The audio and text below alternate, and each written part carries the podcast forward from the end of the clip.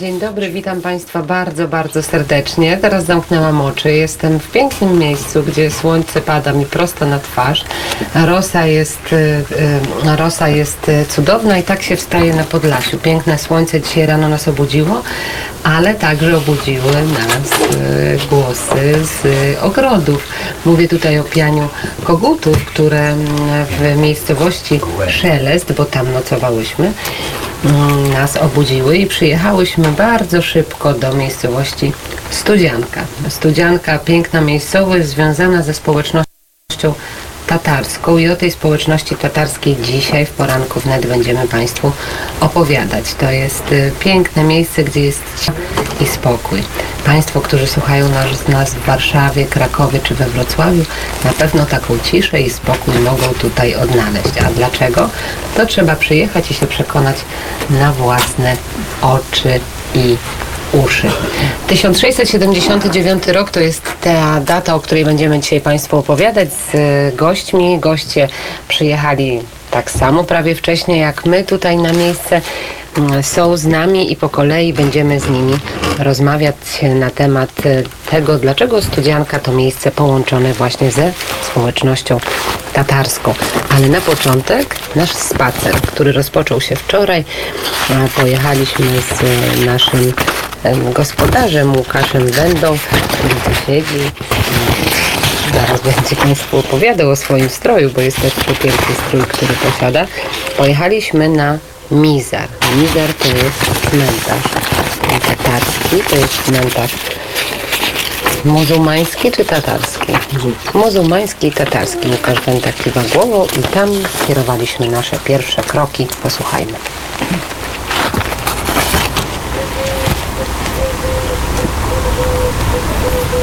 Znajdujemy się na cmentarzu tatarskim przed y, grobem Samuela Januszewskiego, oficera Gwardii Przybocznej samego cesarza Napoleona. Zmarł w mieście rządowym Umazy w 1852 roku.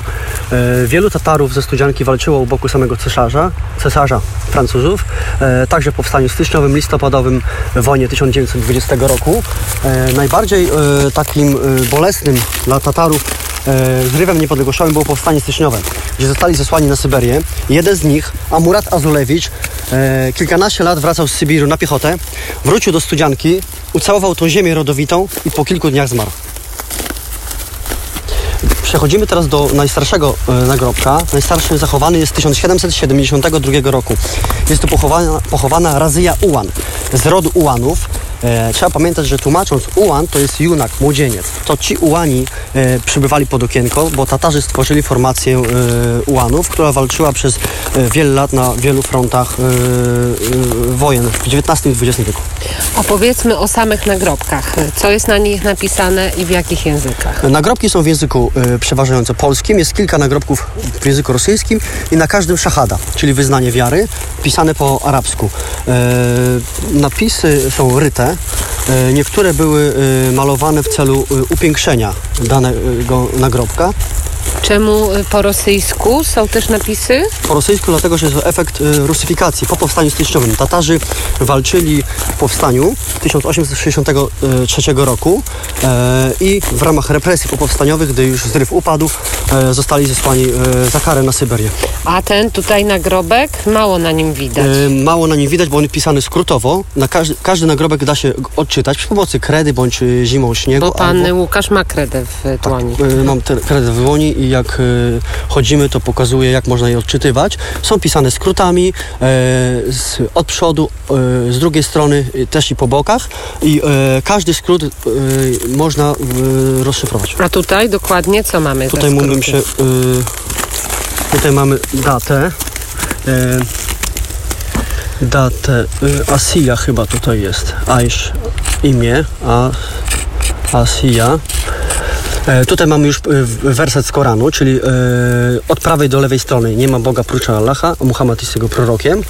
E, I dalej mamy w dół po arabsku już, już arabskiego to ja e, nie Czyli rozszyf- tutaj nie ma ani po y, rosyjsku, ani po polsku. Jest to po arabsku, a podejrzewam, że z drugiej strony zaraz zobaczymy, czy jest po polsku.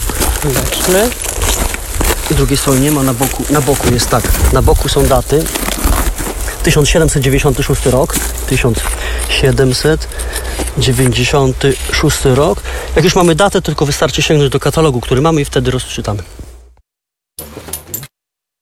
I tak wczoraj nasze kroki rozpoczęły się w Studziance. Tak rozpoczęła się nasza podróż, a naszym przewodnikiem był Łukasz Wenda, który jest e, całą siłą i mocą sprawczą tego wszystkiego, co się w Studziance dzieje. Dzień dobry, witam Cię serdecznie. Dzień dobry. To opowiedzmy na początek, jaki strój masz na sobie, bo to jest bardzo interesujące. Na sobie posiadam strój y, łucznika, tatarskiego zwiadowcy, tak zwanego lekkiego łucznika. Y, mamy tutaj tak, tunika z lnu, łuk ręcznie robiony, kołczan, czyli pojemnik, mówiąc kolokwialnie, y, ze strzałami, buty ze skóry bydlęcej. One były zamawiane specjalnie w Turcji, aby było to odwzorowanie historyczne. Widać tutaj też dużo pasów naokoło, ochrona rąk, bo łucznictwo jednak jest y, sportem bardzo y, kontuzjogennym.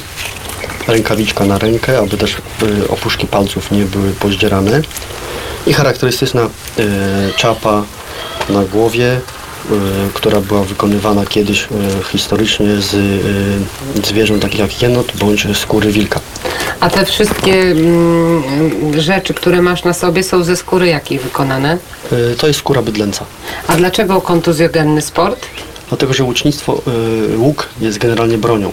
Bronią, która przez tysiące lat y, służyła do polowań, y, do walk, wojen, ale też y, łuk y, powodował to, że rozbijane były państwa, a niekiedy nawet i małżeństwa. Dlaczego? Y, Jak mówię, przez tysiące lat y, taką podstawową bronią y, był łuk i w wielu konfliktach między różnymi rodami, między państwami pojawiały się też kobiety i one były też przyczyną wielu waśni. No niestety kiedyś zabijano właśnie z tej broni. To zacznijmy może od początku. Od bo dużo wątków można by było w studiance poruszać i dużo można by było opowiadać i my o tym oczywiście będziemy opowiadać, ale na początek, e, tak jak Pan Bóg przykazał, op- opowiedzmy o początkach, o historii. Skąd Tatarzy wzięli się w studiance? Kto im dał tutaj prawo pobytu i jak to wyglądało od samego początku? Wszystko rozpoczęło się za sprawą króla Jana III Sobieskiego, który 12 marca 1679 roku nadał y, dokumentem ziemię w Studziance i w innych y, tutaj okolicznych miejscowościach. Y, rotmistrz Samuel y, Romanowski wraz z żoną Reginą Skieńskich otrzymali tutaj włości i od tej pory można datować już te osadnictwa tatarskie. Kolejni królowie y, polscy y, także osadzali Tatarów. Y, Sobieski osadził w zamian za zaległy żołd. Y, Miał pewne waśnie z Tatarami, które chciał w jakiś sposób y, uregulować i zażegnać wszelkie konflikty. I tutaj w centrum wczesnej Rzeczpospolitej Obojga Narodów pojawili się Tatarzy, wyznawcy islamu i potem królowie ściągali, jak mówiłem, kolejne rody. W XVIII wieku źródła mówią, że Studzianka była prawie cała tatarska i mieszkało w niej 20 znamienitych rodów tatarskich. Tatarzy zajmowali się głównie wojaczką, czyli y, walczyli, y, służyli y, w lekkich chorągwiach polskich, bronili naszego kraju przed y, najeźdźcami z zewnątrz. W XVIII wieku walczyli m.in. w Konfederacji Barskiej, w wojnie 1792 u boku Kościuszki, potem u boku samego cesarza Napoleona, powstaniu listopadowym w XIX wieku, powstaniu styczniowym i dalej w pierwszej wojnie. I ostatni y, taki epizod Tatara ze Studzianki to pułkownik Józef Korycki, dowódca Armii Artylerii Pomorze w 1939 roku. To są te podstawowe informacje i podstawowe daty, a jakieś e, smaczki na temat samej studzianki opowiedzmy, o historii studzianki, o legendach, e, które są tutaj właśnie z tym miejscem związane. Y, Studzianka y, według zachowanych źródeł, które mamy, datowana jest na y, XVI wiek. Y, Jedna z legend mówi o tym, że y, mieszkańcy musieli pracować na rzecz folwarków w sąsiedniej miejscowości 100 dni. Stąd ta nazwa Studzianka. Inna legenda mówi o tym, że y, książę, który wędrował konno przez y, bagna i puszczy, y, był bardzo spragniony y, i znalazł y, miejscowego y, człowieka, który wskazał mu źródło. Ta woda mu tak bardzo smakowała, że y, kazał tam wybić studnię i y, osadził y, swoich też y, członków rodziny i założył miejscowość Studzianka. Jeszcze inna legenda mówi, zasłyszana, o tym, że przez miejscowość było przetaczane 100 dział, wielkich dział w czasie jednej z kampanii wojennych, stąd tłumaczy się na nazwę Studzianka. No to są te rzeczy historyczne, o których Państwo mm, słyszą, o których Państwo wiedzą. A dlaczego Łukasz Wenda zdecydował się na to, żeby założyć Stowarzyszenie Studzianka i po licznych swoich wojażach w różnych miejscach Polski jednak tutaj powrócił? Stowarzyszenie założyli mieszkańcy. To było w 2007 roku, w lipcu, dokładnie 15 lipca było zebranie. Zostałem zaproszony, przyjechałem tutaj na urlop, wtedy mieszkałem w Gdańsku jeszcze. E, I tak jakoś się wszystko potoczyło, że e, wybrano mnie do, do zarządu tej organizacji. I na tym stanęło. Ja wróciłem z powrotem e, na Pomorze. No, ta organizacja była na papierze, ale nic jakoś się nie działo. I w 2008 roku postanowiłem, że jednak wracam tutaj, tutaj do Studzianki. Wszystko zostawiam za sobą. I od tamtej pory zaczęło to się, powiedzmy mówiąc kolokwialnie, nakręcać. Skupiliśmy się e, tutaj z młodzieżą głównie na tej najmłodszej e, części naszego społeczeństwa. Chodziliśmy na cmentarz tatarski, zaczęliśmy go e, czyścić z krzaków, z chaszczy, e, trochę sprzątać, różnego, różnego rodzaju akcje organizować w miejscowości. Tu też przy wsparciu wtedy samorządu gminnego, bo w sumie samorząd gminny wyszedł z taką inicjatywą tego zebrania i powstania stowarzyszenia. I potem samo to już zaczęło się e, toczyć e, własnym życiem. Założyliśmy kabaret, powstał, e, po- powstała gazeta nasza, kwartalnik strona internetowa i tak dalej, i tak dalej. A taki przełom był 2009 rok, gdy organizowaliśmy 330 lat osadnictwa tatarskiego w Studiance. To był zjazd społeczności tatarskiej z Polski z zagranicy. E, Przyjechało bardzo dużo przedstawicieli od Tatarów. I wtedy Studzianka, w jakiś sposób też mieszkańcy y, zrozumieli, że ci y, Tatarzy i muzułmanie, którzy przyjechali na groby z tych swoich y, dziadków, pradziadków, nie są tacy źli. Nawiązały się relacje przyjaźni. Co wydarzyło się w 1915 roku? W 1915 roku, 15 sierpnia, spłonął meczet. Podpalony był przez y, kozaków. Y, Czyli teraz była rocznica 105. No, taka niezbyt chwalebna rocznica 105. Y, Meczet stał tam, gdzie obecnie stoi budynek po szkole podstawowej, nazwany Meczeciskiem. To miejsce nazywa się Meczecisko. Mamy tam fotografię, opis tego y, miejsca. Meczet jednoczył społeczność tatarską nie tylko ze Studzianki, ale z bardzo dużego obszaru. Bo wierni do tego dżemiatu wspólnoty tatarskiej należeli aż od y, guberni kieleckiej w XIX wieku po y, okolice dzisiejszych też Kruszynia i nawet Wilna. To jeżeli mówimy o tej społeczności tatarskiej, to z nami w naszym studio jest y, pani Józefa Kowieska. Proszę, żeby Łukasz Wenda przedstawił nam naszego gościa. Pani Józefa jest y, córką ostatniej takiej prawdziwej tatarki ze Studzianki, pani Heleny z domu Bogdanowicz. Pani Helena zmarła w 2006 roku i ona była taką ostatnią. Już przeszła z islamu na katolicyzm, ale y, praktykowała i bardzo dobrze miała zachowane w pamięci przodków swoich tatarskich. No to właśnie o tych przodków zapytamy panią Józefę Kowieską. Mikrofon zostaje przekazany do pani, słuchawki może też przekażemy. Dzień dobry pani. Dzień dobry. E, Pani Józefa Kowieska, rozumiem, urodzona tutaj w Tak. Studziance i od, e, od, od zawsze tutaj pani mieszkała. Jak e, pani się czuje jako osoba, która ma korzenie tatarskie? Co to dla pani znaczy?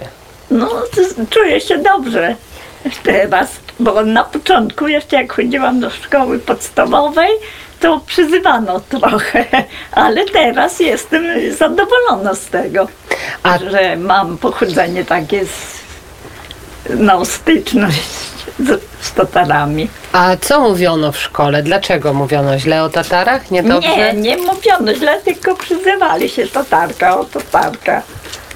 A co dla pani znaczy to, że te korzenie są tatarskie? Co to, e, jak pani odkrywa tą historię? Jak pani patrzy na to, co było kiedyś? No trochę mama mi opowiadała, jak to było, ale teraz tak jak mama zmarła, to myślę, że jeszcze właśnie dużo rzeczy nie zapytałam, o ile by widziała mi odpowiedzieć. No jestem zadowolona z tego i cieszę się, że teraz właśnie jest takie coś związane y, z naszym pochodzeniem z Tatarami, że coś się dzieje, że są spotkania. Jestem bardzo zadowolona. E, A jeżeli miałaby Pani tak się zastanowić i pomyśleć, e, to jak Pani patrzy na tą y, społeczność tatarską w ogóle w całej Polsce? To jesteście Państwo zżyci ze sobą, spotykacie się, jak to No wygląda? tak, tak. Jak mama żyła, to bardzo dużo osób przyjeżdżało na wywiady, pytali mamę, jak to było, czy, czy właśnie y, zna coś jeszcze, czy jakie no, potrawy tatarskie. O, no właśnie, no właśnie, to wywołała Pani wilka z lasu, to opowiedzmy o tych potrawach tatarskich. Jakie są te najbardziej znaczące i te najbardziej rozpoznawalne? No moja mama to właśnie e, robiła kołduny z, baraniny albo z wołowiny, y, bułeczki z serem i ten chlebek swój piekła swojski. My wczoraj jedliśmy takie mm, piero, taki, taki pieróg tatarski z mięsem tutaj przepyszny. To też jest taka tradycyjna potrawa. Tak, tak. E, ale robiona głównie z, z indykiem, czy z jakim mięsem? Z baraniną, z wołowiną? Jakie jest oryginalne To, mięso? co, co posiada, znaczy chyba to było najlepsze z baraniny i wołowina, bo no, może być i kurczak, bo to także y, świńskiego, wieprzowego mięsa nie jadali. Ale z tego co wiem i z tego co mówił y, Łukasz Wenda, mm, pani mama już y, była katoliczką. Tak, y, tak, mm, tak. Ale wcześniejsze pokolenia byli związani z islamem. Wie pani jak to wyglądało? Tak, tak. Tu w Studziance, tam pod tym mizarem, tam są takie dwa świerki, to mieszkał mojej babci pierwszy mąż, Bajerulewicz Roman. To był pierwszy babci mąż. Potem babcia wyszła za Bogdanowicza, Jana i właśnie mama jest jako Bogdanowicz, a pierwsze dwie siostry Anna Remesz i Maria Pierogowicz to były po pierwszym. Pirogowicz. Pierogowicz. Były po pierwszym mężu, Berulewicz Miele, a mama jako jedna chyba to Bogdanowicz. A, I rozumiem, że pani też będzie opowiadać o Tatarach i opowiada pani cały czas. Tak, tak. Nie wstydzi się pani. Nie, nie. Teraz nie. Kiedyś tak. Tak. No, Teraz to wszystko zasługa Stowarzyszenia Studzianka. Bardzo dziękuję pani Józefa Kowieska. A my teraz y, za na chwilę posłuchajmy, jak o pięknym świecie śpiewa Louis Armstrong, bo my jesteśmy, drodzy Państwo, właśnie w takim pięknym miejscu na świecie. Zielonym, cichym, spokojnym, gdzie jest piękne powietrze, gdzie jest y, pyszna jajecznica rano, pyszne pomidory i ogórki z własnego pola. To naprawdę e, pięknie w takim miejscu być.